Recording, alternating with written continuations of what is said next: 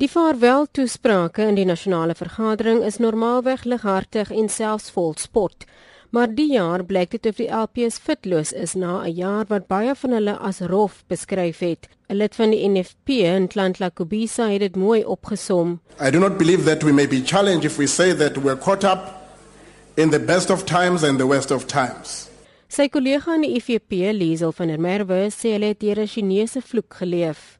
There is a Chinese curse that embodies the experiences in this house during the past year, and it reads, May you live in interesting times. Throughout the year, the ministers were visibly absent and questions were skillfully dodged.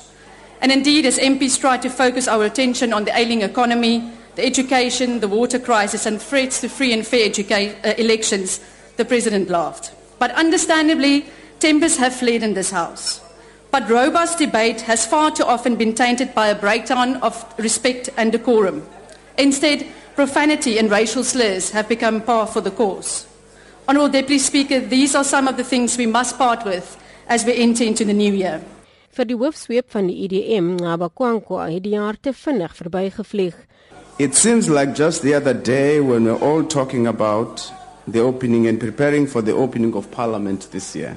But maybe what we should do as we are getting ready to usher in a new year 2016 is to begin with the end in mind as colleagues and ask the question what kind of South Africa do we seek to become?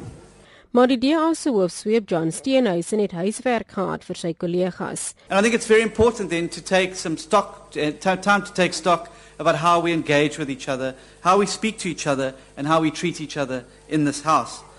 I don't think it's good for South Africans to look at Parliament and to witness some of the scenes that they've witnessed this year. I think it undermines Parliament, and I think it leads citizens to lose faith in our ability to be able to address their needs. Die ANC se adjunkhoof Sweep Dlakude het ook die personeel bedank. Let me thank the presiding officers led by the speaker for tolerating for tolerating our bad behavior and insults in this House. Let me thank the NA table for always being there for all of us, all parties, and also our parliament, the, the parliamentary staff members, who of course are on strike, but it's only the right thing to do to thank them in their absentia. Die voorsittende beamptes het al hande vol gehad om orde te handhaaf in die raad. Die adjunkspeaker, Letsisa Tsenodi, het een of twee belangrike instruksies verlede gegee. But members, if we are not healthy, uh, if I may put it that way, uh, contribute to very little abuse of alcohol.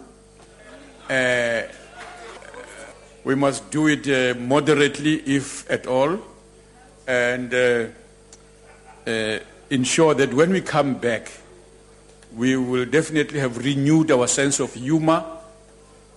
Uh, please go and have fun. Enough of it uh, to last you until next year. Dit was die adjunkspeaker Letsisa Tsenodi, Zelin Merrington, Parlement.